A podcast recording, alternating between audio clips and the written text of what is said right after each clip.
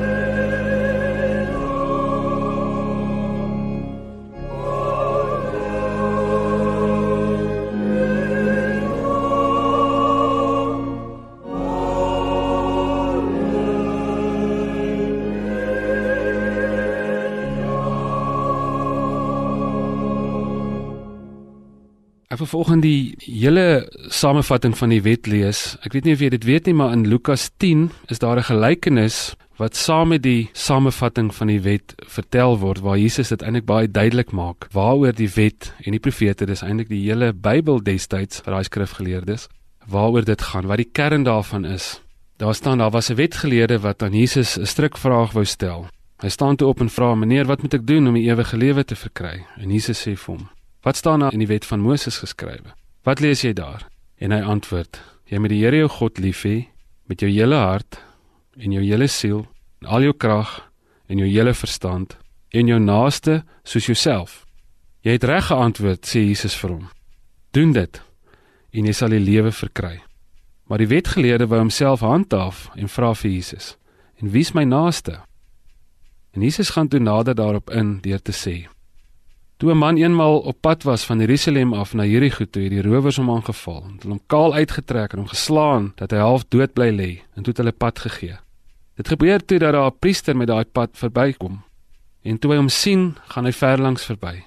Net so het daar 'n leviet by die plek gekom en toe hy hom sien, gaan hy ook verlangs verby. Maar 'n Samaritaan wat op reis was, het op hom afgekom en toe hy hom sien het hy hom innig jammer gekry. Hy het na hom toe gegaan, sy wonde met olie en wyn behandel en hom verbind. Toe het hy hom op sy rydier getel en hom na die herberg toe gevat en hom daar verder versorg. Die volgende dag haal hy twee muntstukke uit en gee dit vir die eienaar van die herberg en sê: "Sorg vir hom en as jy meer onkoste het, sal ek dit betaal wanneer ek hier langs terugkom." Wie van hierdie drie is volgens jou die naaste van hom wat onder die rowers verval het? Die wetgeleerde antwoord: Die man wat aan hom medelee bewys het.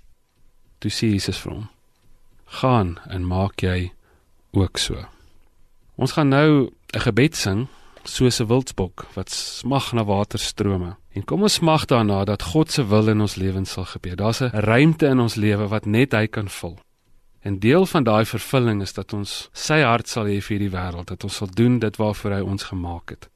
Dat ons sal ontdek dat ons ook soos Jesus gestuur is om sout te wees wat mense sal dors maak vir God se lewende water. Kom ons erken miskien net eers die dors in onsself voor ons daaraan begin dink om ook ander mense te voed met sy water.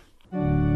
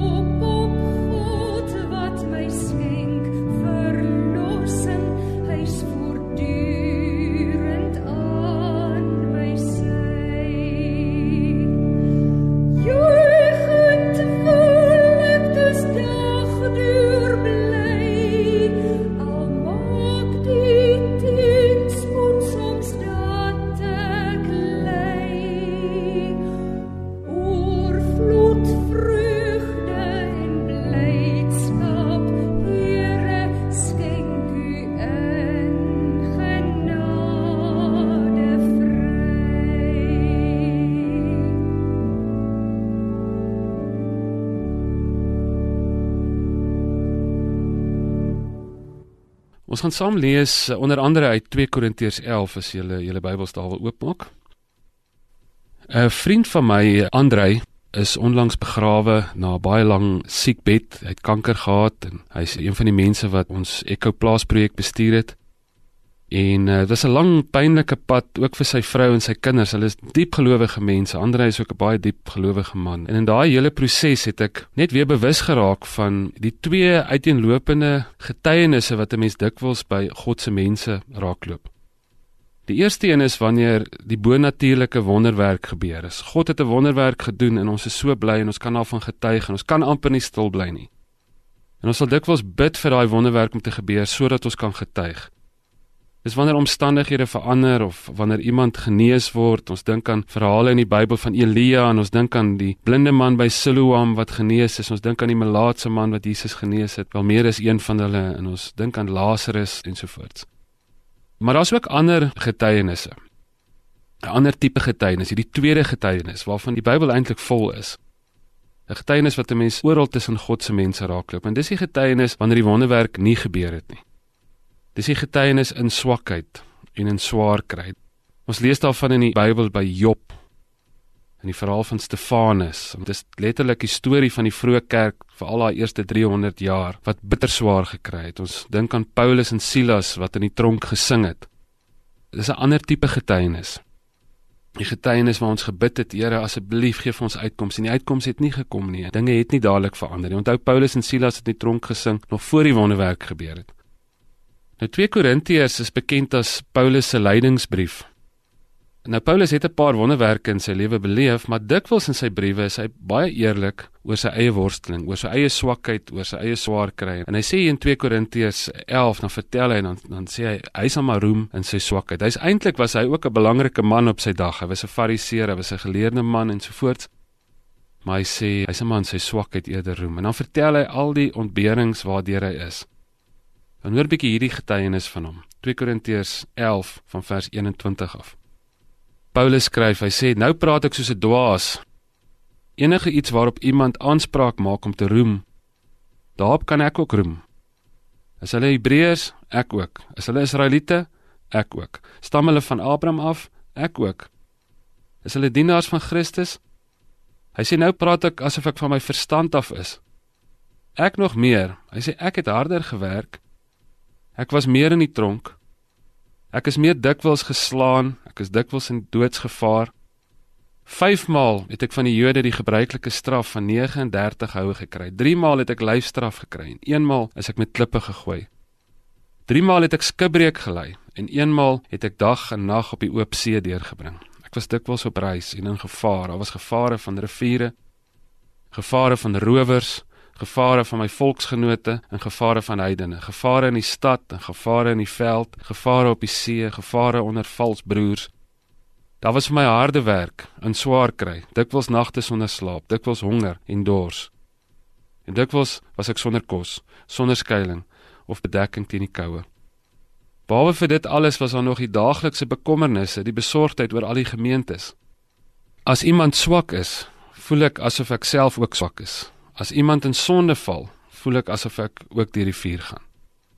As daar dan geroem moet word, sal ek roem, maar dan oor my swakhede. Die God en Vader van die Here Jesus Christus weet dat ek nie lieg nie. Aan hom kom al die lof toe tot in alle ewigheid. Paulus was baie eerlik, hy het ook op ander plekke het hy vertel van sy worsteling. Hy spaar ons swaalf nie die detail nie. Hy sê op 'n stadium dis met angs en bewering wat hy na die gemeente toe gekom het en hy het, hy het dit besef dis nie met die geleerdheid van mense wat hulle oortuig nie maar die gees van God. So hy vertel eintlik van sy eie vrese. Op 'n ander plek sê hy die goeie wat ek wil doen, die doen ek nie, maar die slegte wat ek nie wil doen nie, dit doen ek. Dis nou die magtige Paulus wat die grootste deel van die Nuwe Testament geskryf het. Hy sê op 'n ander plek sê hy verstaan ook nie altyd alles nie. Hy sê daar in 1 Korintiërs 13, ek kyk ook maar in 'n dowwe spieël en ek sien ook maar gedeeltelik. En dan lees ons hier in 2 Korintiërs 12, so eintlik die hoogtepunt of die samevatting sê hulle van die brief is waar hy vertel hoe hy geworsteling met 'n ding, 'n doring in sy vlees. Daar's baie teorieë oor wat dit kon wees. Ons is nie heeltemal seker nie. Maar dan sê hy sê hy het van die Here gevra en hy het hom gesoek hy het gevra Here asseblief vat dit tog van my af weg en dan sê hy in 2 Korintiërs 12 vers 9 sy antwoord was my genade is vir jou genoeg My krag kom juis tot volle werking wanneer jy swak is. Daarom sal ek liewer oor my swakhede roem, sodat die krag van Christus my beskutting kan wees. Daarom is ek bly oor swakhede en beledigings, en ontberings en vervolging en moeilikheid ter wille van Christus. Want as ek swak is, is ek sterk. Dit lyk vir my of ons getuienis soms die meeste saak maak wanneer dit sleg gaan, wanneer die wonderwerk nie gebeur nie. Of miskien is dit juist dalk die groter wonderwerk dat God sy kinders die vermoë gee om soos 'n lig te skyn in die donker. Dink maar aan die vroeë kerk, daai eerste 300 jaar, die tyd waarin die kerk die heel vinnigste gegroei het. Maar sy het dit gedoen in baie moeilike tye. Dit is asof die moeilike tye die mees gunstige tye vir die kerk was. Daar was geen sprake van vryheid van spraak in die samelewing nie. Behalwe daarvoor was hulle nog 'n verbode organisasie, verbode groep mense. Christene is gereeld in die tronk gegooi. Hulle is gereeld in die openbaar tereggestel. Dit was moeilike tye.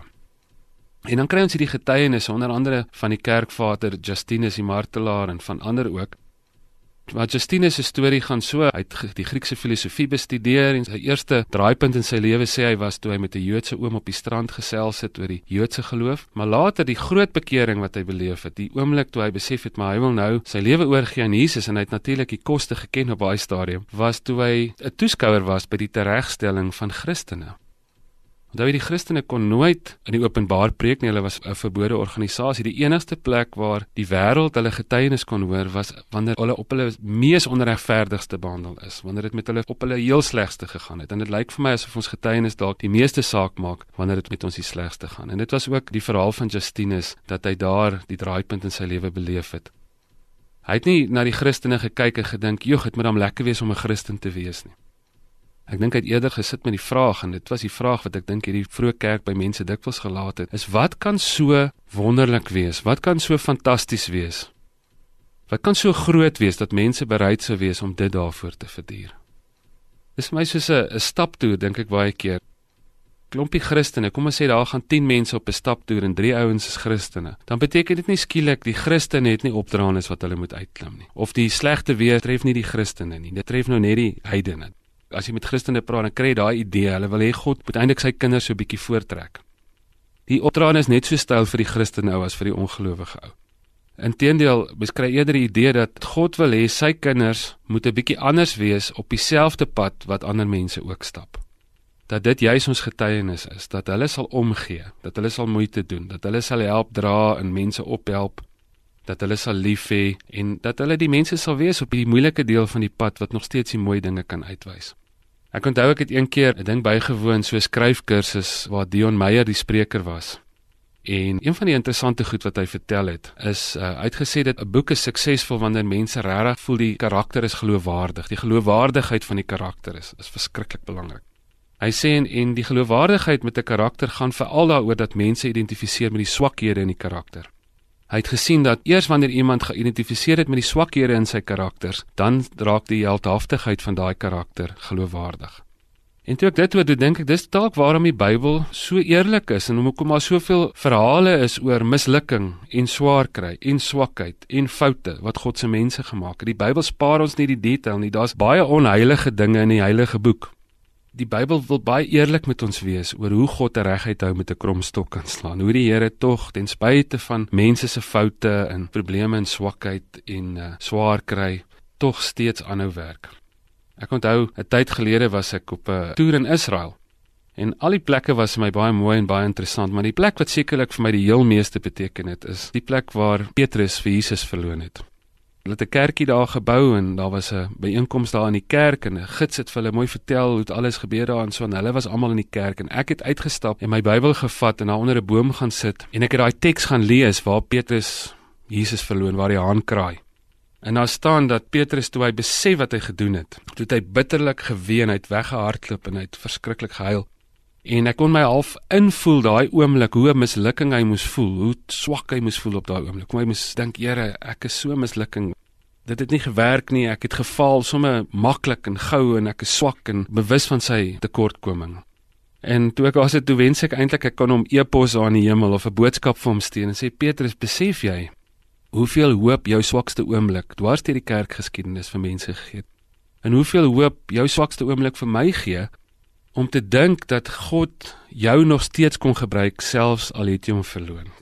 Dis nogal iets waarmee ek kan identifiseer. En dwars deur die eeue het mense aan daai getuienis van Petrus vasgehou.